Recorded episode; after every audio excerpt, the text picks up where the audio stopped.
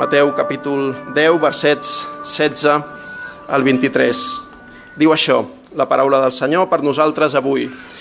Heus aquí, jo us envio com ovelles enmig de llops. Sigueu, doncs, prudents com les serps i senzills com els coloms. I guardeu-vos dels homes perquè us lliuraran els sanadrins i us assotaran en llurs sinagogues. Per causa de mi sereu portats davant de governadors i de reis com a testimoni per a ells i per als gentils. I quan us hi portin, no us preocupeu de com o de què direu, perquè en aquell moment se us donarà el que haureu de dir, perquè no sou vosaltres els qui parleu, sinó l'esperit del vostre pare, el qui parla amb vosaltres. I el germà lliurarà el seu germà a la mort, i el pare al seu fill.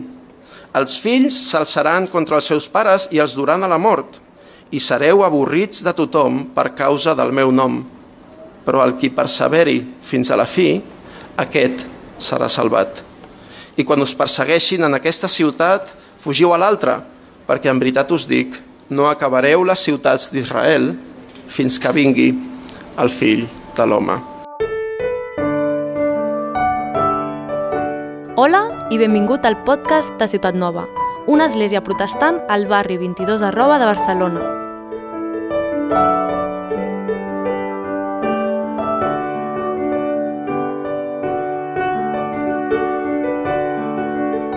Si has estat atent al text que acabem de llegir i creus que això de la persecució no va amb tu, eh, veurem que també has d'estar atent a la paraula del Senyor en aquest matí. Um, hem llegit que Jesús ens envia com ovelles enmig de llops. Així, verset 16. I com ha dit el Rubén, seguim amb la nostra sèrie a l'Evangeli de Mateu. Així que, si em permeteu, faré una mica de recapitulació de com hem arribat fins aquí. Sí? Um, seguim amb aquesta sèrie i en el capítol 10 veiem el segon bloc d'ensenyament de Jesús. Per què aquest bloc d'ensenyament? Perquè veiem que Jesús va enviar els seus deixebles i els va dir, ara us toca a vosaltres. El mateix que he estat fent jo, ara feu vosaltres. Jesús amplia el seu abast enviant aquests deixebles, però amb ensenyament, a fer el que ell ha estat fent. Sigui, tres coses, demostrant la seva autoritat, portant de manera pràctica el regne a la terra, com sanant i guarint tot tipus de malalties i mostrant compassió, i això és important. Fins ara els deixebles havien acompanyat a Jesús i havien vist tot el que ell estava fent, fets meravellosos, havien escoltat i experimentat la seva autoritat. I ara Jesús, repeteixo, els diu, aneu i feu el mateix. Però fer el mateix no són tot flors i violes, eh, Església. I Jesús els diu, per cert, aquí teniu uns quants manaments i uns consells i uns ànims perquè em sembla que us faran falta. I abans d'enviar-los, llavors Jesús ensenya als seus deixebles com anunciar el regne i què esperar un cop ho facin. I això és important. Els envia però els ensenya com compartir el regne i què esperar un cop ho facin. I això és el que ens centrarem avui.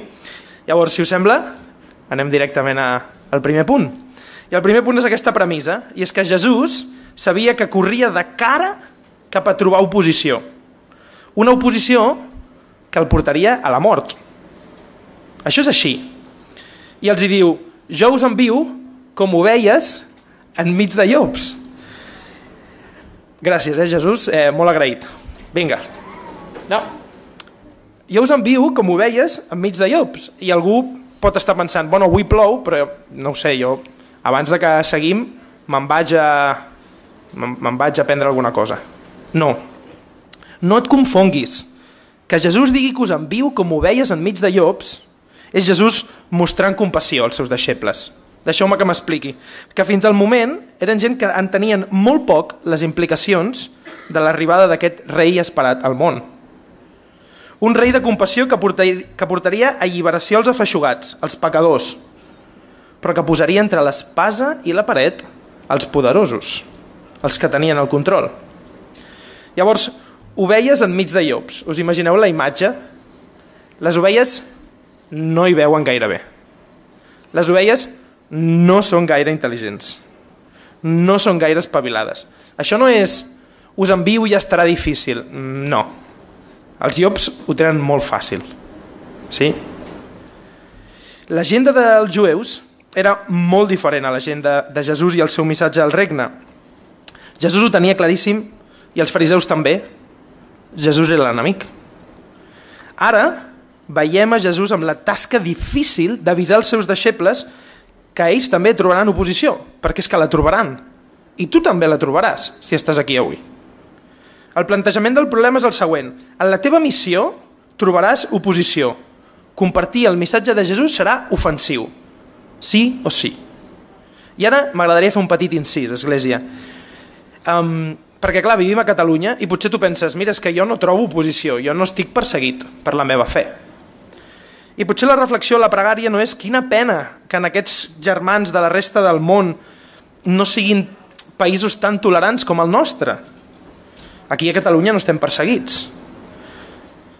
Senyor, elimina la persecució dels nostres germans al món. No, potser la reflexió no és si no patim eh, persecució, la pregunta és, si no la patim, és això un signe de que aquí a Occident estem fent alguna cosa malament? I m'agradaria deixar-vos deixar amb, amb això. El cas és que els deixebles de Jesús van ser certament perseguits, colpejats, empresonats i assassinats, pocs anys després de que Jesús digués això. Llavors, el missatge de Jesús va ser i segueix sent avui dia un missatge ofensiu, que divideix famílies, com hem llegit, germans, amics, pares i fills. I m'agradaria parlar de dos punts en aquest moment. En primer lloc, que Jesús diu que hi haurà llops. Hi haurà llops. El missatge de Jesús és ofensiu per moltes persones. No importa quan compassiu siguis, no importa quan misericordiós siguis, com que estem compartint la veritat de Jesús, estem cridant al món al penediment, segur que hi haurà entrebancs, persecució, i seguirem parlant d'aquest tema. I en segon lloc, Jesús diu, us envio igual. Us envio igual. La realitat implícita de la frase de Jesús, de que us envio com ovelles enmig de llops, és que us envio. No si decidiu anar-hi, sinó que us envio. Jesús va enviar els seus deixebles i a l'Evangeli de Lluc veiem com se'ns diu que va enviar els 70, que potser eren 70 justos, jo no ho sé, però que també representa un número perfecte que indicava que tots eren cridats a la missió. Efesis, capítol 2, verset 10, diu el següent. Perquè som obra seva, creats en Crist Jesús per bones obres, les quals Déu preparà per endavant perquè hi caminéssim. Llavors, si ens escoltes des de casa, si és la primera vegada que vens, Església, Déu també t'ha enviat a tu. Potser encara no ho sabies, eh, que havies estat enviat, però si ets creient, seguidor de Jesús, Déu t'ha enviat. És així. Els teus dons, la teva nacionalitat, el teu gènere, la teva edat, el teu color de pell, les teves experiències, els teus fracassos i fins i tot els teus pecats et preparen a la perfecció per ministrar a certes persones, per complir una missió a algú determinat. I, com diu Tim Keller als neoyorquins de, de Manhattan, hi ha necessitats, llegeixo textualment d'ell d'una predicació, diu, hi ha necessitats que només tu pots suplir. Hi ha mans que només tu pots agafar. Hi ha alguns dimonis que només tu pots expulsar. Per ser qui ets, però t'has d'involucrar, has de donar la teva vida. Diem que estem molt enfeinats, no tinc temps. Això és feina de la gent que sent el cridament, dels missioners. Però no, tu també has estat enviat. I Església, Déu va dir a Abraham, jo et beneiré, et beneiré perquè siguis benedicció, et beneiré i en tu beneiré, perdó, totes les nacions de la terra. Però em sap greu i el mateix passa amb tu i amb mi, Déu li va dir a Abraham, et beneiré, ara tira. Ara surt de casa i tira. I jo et beneiré, però venga, andando. I tira, tira a on, senyor? Tu tranquil, jo et diré on has d'anar, però ara tira. Jo t'indicaré, deixa't un pare, casa teva, la teva zona de confort i tira. Jo t'ensenyaré el camí. Per tant, Església, aquest és el primer punt, aquest és el plantejament. Ets enviat i en la teva missió trobaràs oposició. Primer punt. I el segon punt és el manament. L'equilibri en l'estratègia. La setmana passada el Rubén va parlar d'estratègia en la missió. I avui veiem equilibri en la missió. I és que Jesús diu, heus aquí jo us envio com ovelles enmig de llops. Seguim al verset 16. I després diu, sigueu doncs prudents com les serps i senzills com els coloms. Us, avi, us envio com ovelles enmig de llops, això és així. Però també veiem un consell. Sigueu, doncs, prudents com les serps i senzills com els coloms. I penso, de dos animals als que m'haig de semblar, en sèrio han de ser les serps i els coloms? O sigui, en sèrio? Les serps. Les serps no ens agraden, Església. Les serps no m'agraden. Són, signe, són el signe dels dolents a les pel·lícules. Són rastreres, per definició, perquè literalment s'arrosseguen pel terra. Són enganyoses, però ja saps, ens diu que hem de ser prudents com elles. La gran majoria de versions diuen astuts, com les serps. I els coloms? Si ets de Barcelona, els coloms, o sigui, els habitants de Barcelona, per si algú és de fora, les anomenem les rates del cel. Els coloms són les rates del cel. Sí, són senzills i innocents, ningú ho nega. Com diuen moltes versions, eh? innocents, més que senzills. Però també són estúpids, estúpides, pesats i estan tot el dia, i ara em perdonareu, cagant-se sobre qualsevol superfície. I a Vilassar, on viuen els meus pares, en un pis, té, una, té un edifici enfront, eh, resulta que a l'edifici del davant hi havia un home que vivia en un àtic que tenia un colomer, que es veu que és més o menys típic. Llavors, a Vilassant no hi havia coloms. bueno, els coloms que hi ha tot arreu. El cas és que, i mai he sabut si això és del tot cert, se suposa que aquell home es va morir i van alliberar els coloms. I de cop i volta, i això és el que sí que és cert perquè ho he experimentat amb els meus ulls i amb els meus sentits, de cop i volta el barri on viuen els meus pares es va omplir literalment de coloms, com una plaga. Fins a tal punt que els meus pares, al meu pare li agraden les plantes, em van deixar comprar una pistola de balins per disparar aquests coloms i per evitar, sincerament, una cosa que era bastant greu, que és que estaven les façanes i les baranes literalment fastigoses, i no és broma. A tal punt que fins i tot un dia el meu pare en un genari, gen, geranis es va trobar dos ous. I no us diré què vam fer amb, aquest ou, amb aquests ous, però eh, va, van passar, us diria, mesos o anys de la meva vida, totes les tardes escoltant el cucú, cucú, mm, dramàtic. Llavors, després de... El que, us dic tot això no per, no per riure i ja està, sinó perquè recordaré tota la vida el fet de disparar una, un, un balín de plàstic que no mata a cap colom per espantar-lo i que el colom no aprengués la lliçó i tornava a la mateixa barana. I no aprenia la lliçó. I em va quedar gravat. Vaig pensar, perquè a més hi ha coloms que són ben grossos i el cap ben petit. I penso, quin animal més, em perdonareu, estúpid. I Jesús m'està demanant a mi ser com coloms. M'està demanant ser com coloms. I Jesús sap que envia els seus deixebles, ovelles enmig de llops, i digueu, sigueu prudents, astuts com les serps, però senzills, innocents com els coloms. I si la setmana passada parlàvem d'estratègia, avui parlem d'equilibri. I normalment cadascú de nosaltres, i hem de reconèixer això, té tendència a ser un o l'altre, la serp o el colom. Esteu d'acord? Difícilment la combinació d'aquests dos. I m'encanta lo plena d'equilibris que està la cultura, la llengua hebrea i la manera de pensar dels jueus. Aquelles coses que la Bíblia semblen contraris impossibles i són reals, com que Déu, com que Jesús és Déu i home. Um, els proverbis, el meu preferit, el Hideu sap. Proverbis 3. Mai s'apartin de tu la misericòrdia i la veritat, les dues. Equilibri. Valentia, però prudència. Misericòrdia, però veritat. I això té a veure també amb assertivitat, té a veure amb com Jesús ens envia la missió. Llavors Jesús ens va demanar, Església important, ser astuts com les serps i innocents com els coloms. Perquè això és important. Astúcia, sense innocència, pot convertir-se en manipulació. Astúcia, sense innocència, pot convertir-se en manipulació. Però innocència sense astúcia és ingenuïtat, és credulitat, és ignorància.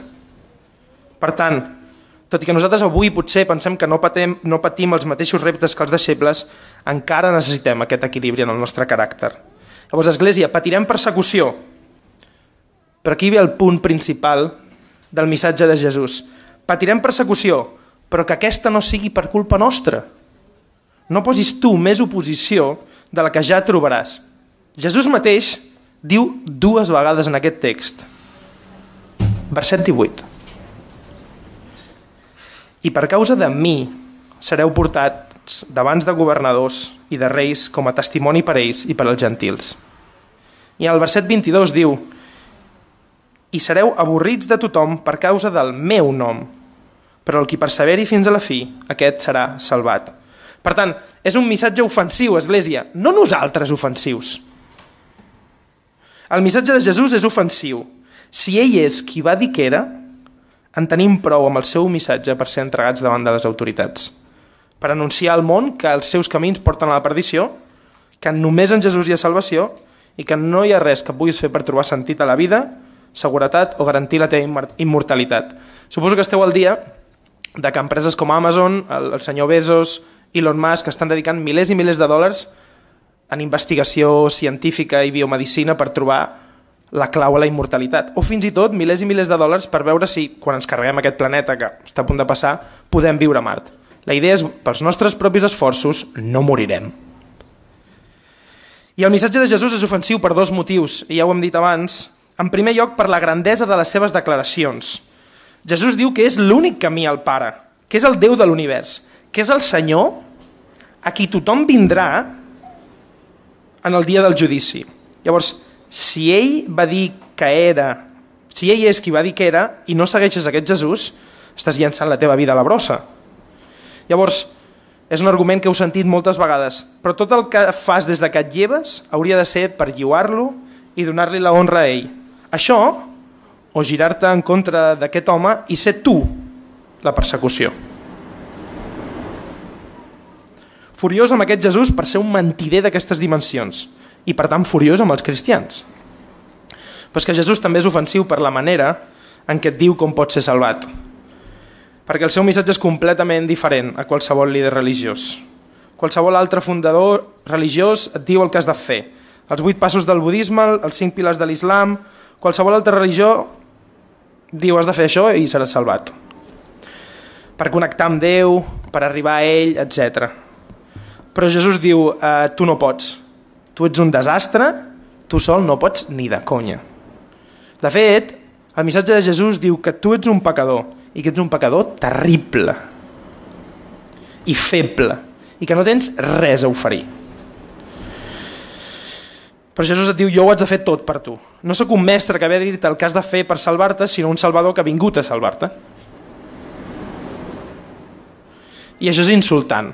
Això és insultant, Església. Qualsevol, qualsevol altra religió et donarà més crèdit com a ésser humà. Però el missatge de Jesús no et dona cap mèrit, ni una mica, zero, zero crèdit, Església, zero. M'és igual qui siguis, la teva raça, nacionalitat, estudis, vocació, necessites ser salvat per gràcia. Jesús no només és un mestre, sinó el Salvador. Jesús és Déu. I Déu t'ha vingut a buscar.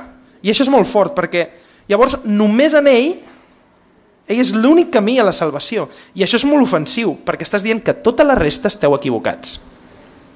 I això a Barcelona, això no és tolerant, eh? Això és exclusiu. Tota la resta esteu equivocats. Això és molt ofensiu, Església. No ens equivoquem. Llavors, siguis creient o no creient. Si no ets creient i ens escoltes avui, potser des de casa, no esperis que un cristià no intenti convèncer que Jesús és l'únic camí. No ho esperis perquè estaries fent amb ell el que no vols que facin amb tu. Jesús t'empenya a prendre una decisió, aferrar-te a ell o ofendre't i perseguir-nos. Però si avui ens escoltes i ets seguidor de Jesús, trobaràs persecució perquè ell és ofensiu i per tant, tu que creus en ell ofendràs els demés. Per tant, Església, no siguis tu l'ofensiu, sinó el teu missatge. No siguis tu l'ofensiu, sinó el teu missatge i sense ànim de criticar, però per fer-nos pensar. La setmana passada, en motiu del 8 de març, el Dia Internacional de la Dona, una organització cristiana va penjar un cartell enorme, d'aquests que cobreix tota una façana d'un edifici eh, en rehabilitació, amb un missatge que deia 45.000 dones moren de forma violenta cada any en aquest país. Parem la massacre de l'avortament. Només per fer-nos pensar, Església, no em vull ficar en cap tipus de, de controvèrsia. en el Dia Internacional de la Dona. I jo penso, no teníem res millor a dir el 8 de març? És veritat el que dius? Bueno, sí, tècnicament. Hi ha uns 90.000 avortaments a Espanya a l'any i la meitat aproximadament serien del que han de ser nenes. L'avortament és violent per definició, és cert.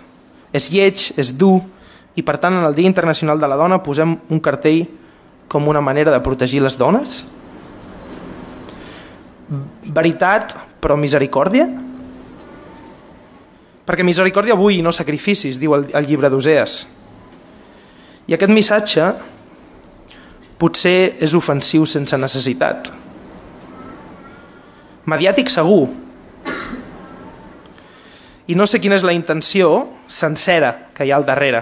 Per això no vull jutjar, però sí fer-nos pensar. Però em fa pensar que potser, si és astut, no és innocent.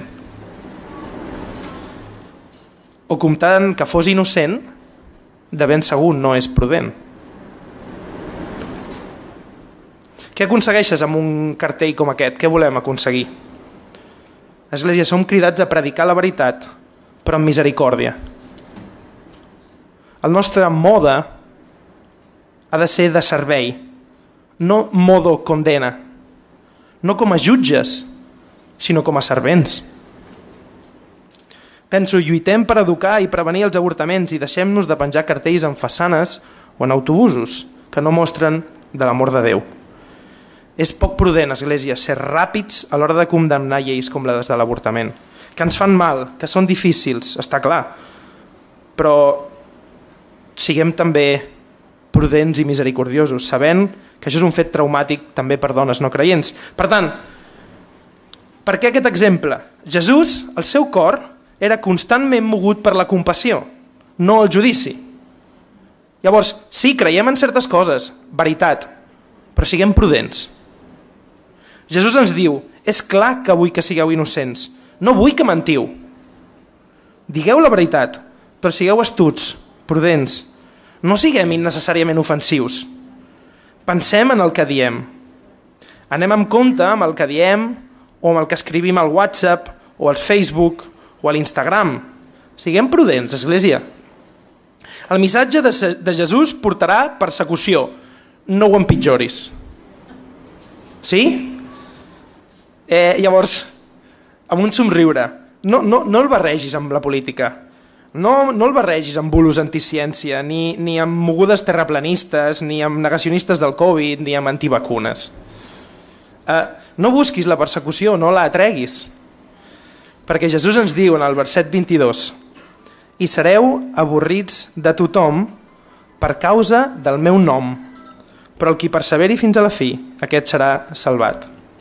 Llavors, assegura't que t'odien per causa de Crist i no per causa de tu. Sí? El missatge de Jesús és ofensiu, no ho siguis tu també. Llavors, Jesús no diu que tots els éssers humans odiaran a Jesús i els cristians. Tu i jo no seríem aquí avui. Però sí que també hi ha gent atreta pel missatge de Jesús i això és el que veurem en els capítols 11 al 13 de l'Evangeli de Mateu, quan seguim. Veurem la resposta de molta gent a aquest Jesús. Però el que està dient aquí Jesús és que el seu missatge és ofensiu i causa rebuig al món. Llavors, si t'identifiques amb Jesús, rebràs persecució. I això ens porta a l'últim punt, Església. Llavors, d'on traurem les forces per ser compassius i per fer la missió de Jesús amb aquest equilibri? D'on traurem les forces per aguantar aquesta persecució? Llavors ara tenim una bona notícia. Fins ara hem vist que Jesús avisa els seus deixebles de la mateixa manera eh, i pensa de la mateixa manera que jo trobo, Jesús diu, jo trobo oposició i la trobaré fins a la mort, vosaltres també en trobareu. Us envio com ovelles enmig de llops, però llavors sigueu astuts com les serps, o prudents com les serps, i innocents o senzills com els coloms. I us recordeu aquella història a la Bíblia en què la mare de, de Jaume i de Joan li demana a Jesús que els seus fills seguin un a cada costat d'ell en el regne dels cels, Jesús diu, uf, no sabeu el que demaneu. I de fet diu, podeu veure de la copa que jo haig de veure? Poden veure els teus fills de la copa que jo haig de veure? I de fet diu, de fet sí que podeu, i haureu de. Llavors, els deixebles van experimentar persecució real, però si, està, si tens por o estàs desanimat, parèntesi, la setmana que ve veureu com Jesús ens diu no tingueu por, així que us animem a, a venir diumenge que ve també. Jesús avui et diu, sí, rebràs persecució, però mai estaràs sol. Sí, rebràs persecució, però mai estaràs sol, sola. Els versets 19 i 20 llegim el següent. I quan, us, I quan us hi portin, no us preocupeu de com o què direu, perquè en aquell moment se us donarà el que heu de dir. Perquè no sou vosaltres els qui parleu, sinó l'esperit del vostre Pare, el qui parla amb vosaltres. Els deixebles havien de patir persecució, però Jesús els diu, no us preocupeu pel que direu. El meu missatge és escandalós al món, però no et deixaré sol. L'esperit del vostre Pare parlarà a través de vosaltres. Llavors, sí, quan rebis persecució, això serà una oportunitat de donar testimoni, però mai estaràs sol. M'agradaria explicar-vos una història, i és que... Una història que m'agrada molt. El 1963, eh, un grup de pop anglès, no sé si algú li sona, anomenat Jerry and the Peacemakers, va fer una versió d'una cançó que, que va sortir en un musical de Broadway, eh, anomenat Carusel. Aquesta cançó, ja us diré el títol una mica més endavant, eh, segurament molts de vosaltres l'heu escoltat, espero, alguna vegada va començar a pujar a les llistes d'èxits d'Anglaterra. I durant els anys 60, a l'estadi de futbol del Liverpool, el que portava la megafonia, eh, l'encarregat de megafonia punxava música abans dels partits i acostumava a posar el top 10 de la llista d'èxits a Anglaterra. Evidentment, als anys 60 doncs, els, els Beatles estaven allà quasi sempre, i el que feia la gent era cantar, cantar les cançons que es posaven per megafonia.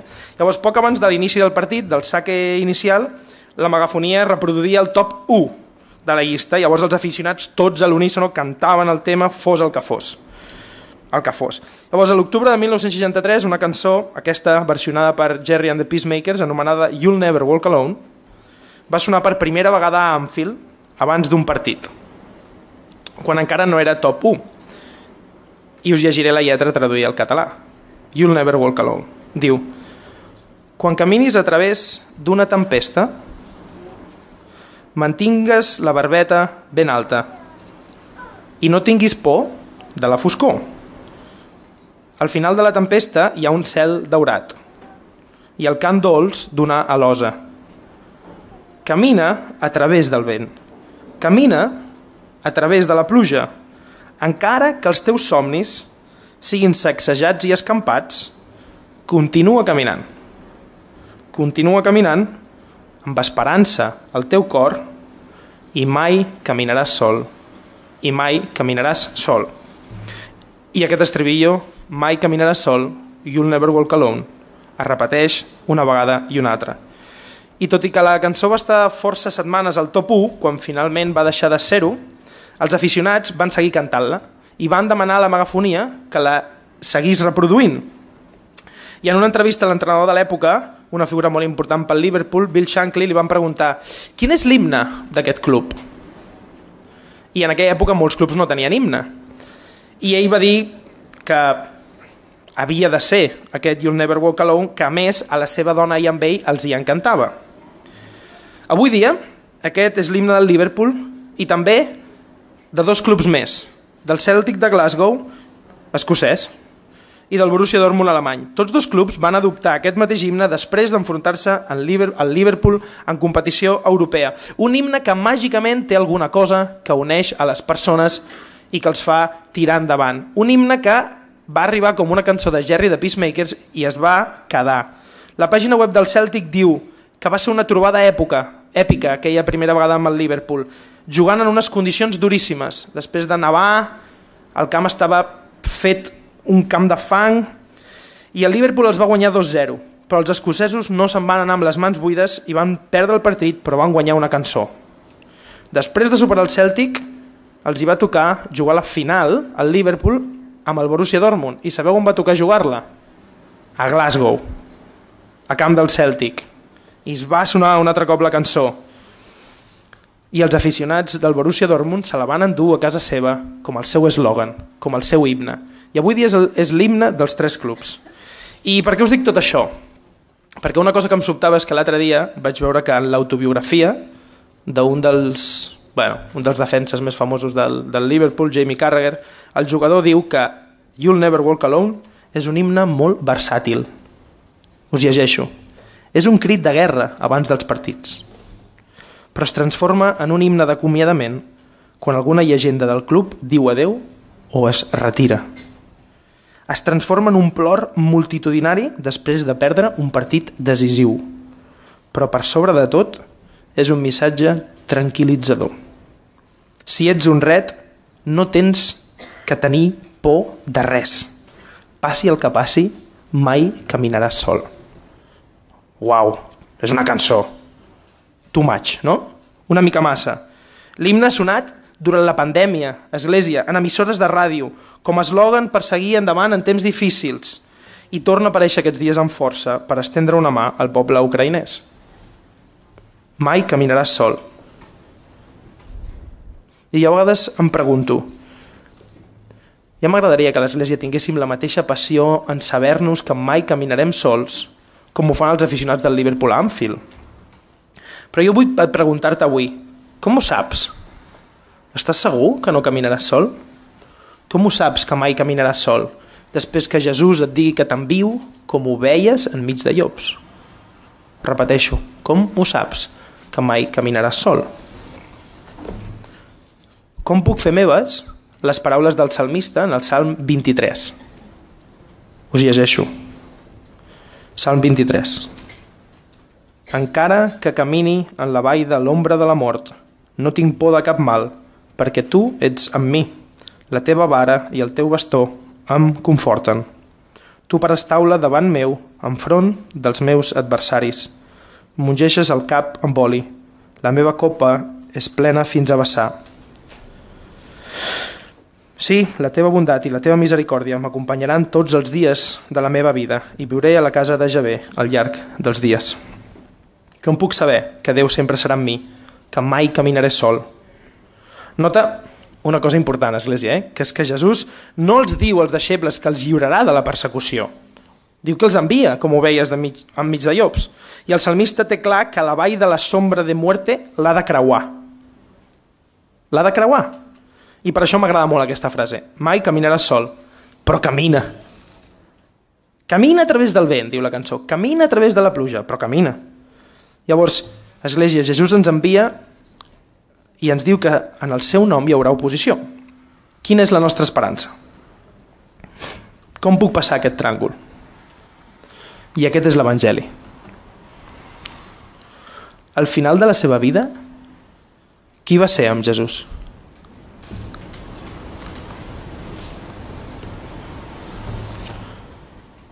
Jesús va caminar sol. Tothom el va abandonar. Tothom el va abandonar. Al final de la seva vida el van trair, el van negar i van fugir d'ell. Però és que a més, a la creu, Jesús va dir Déu meu, Déu meu, per què m'has abandonat? Jesús va haver de caminar sol.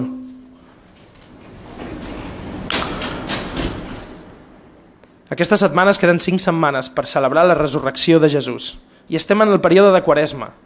I també és un temps per recordar el camí que va haver de fer Jesús fins a la creu.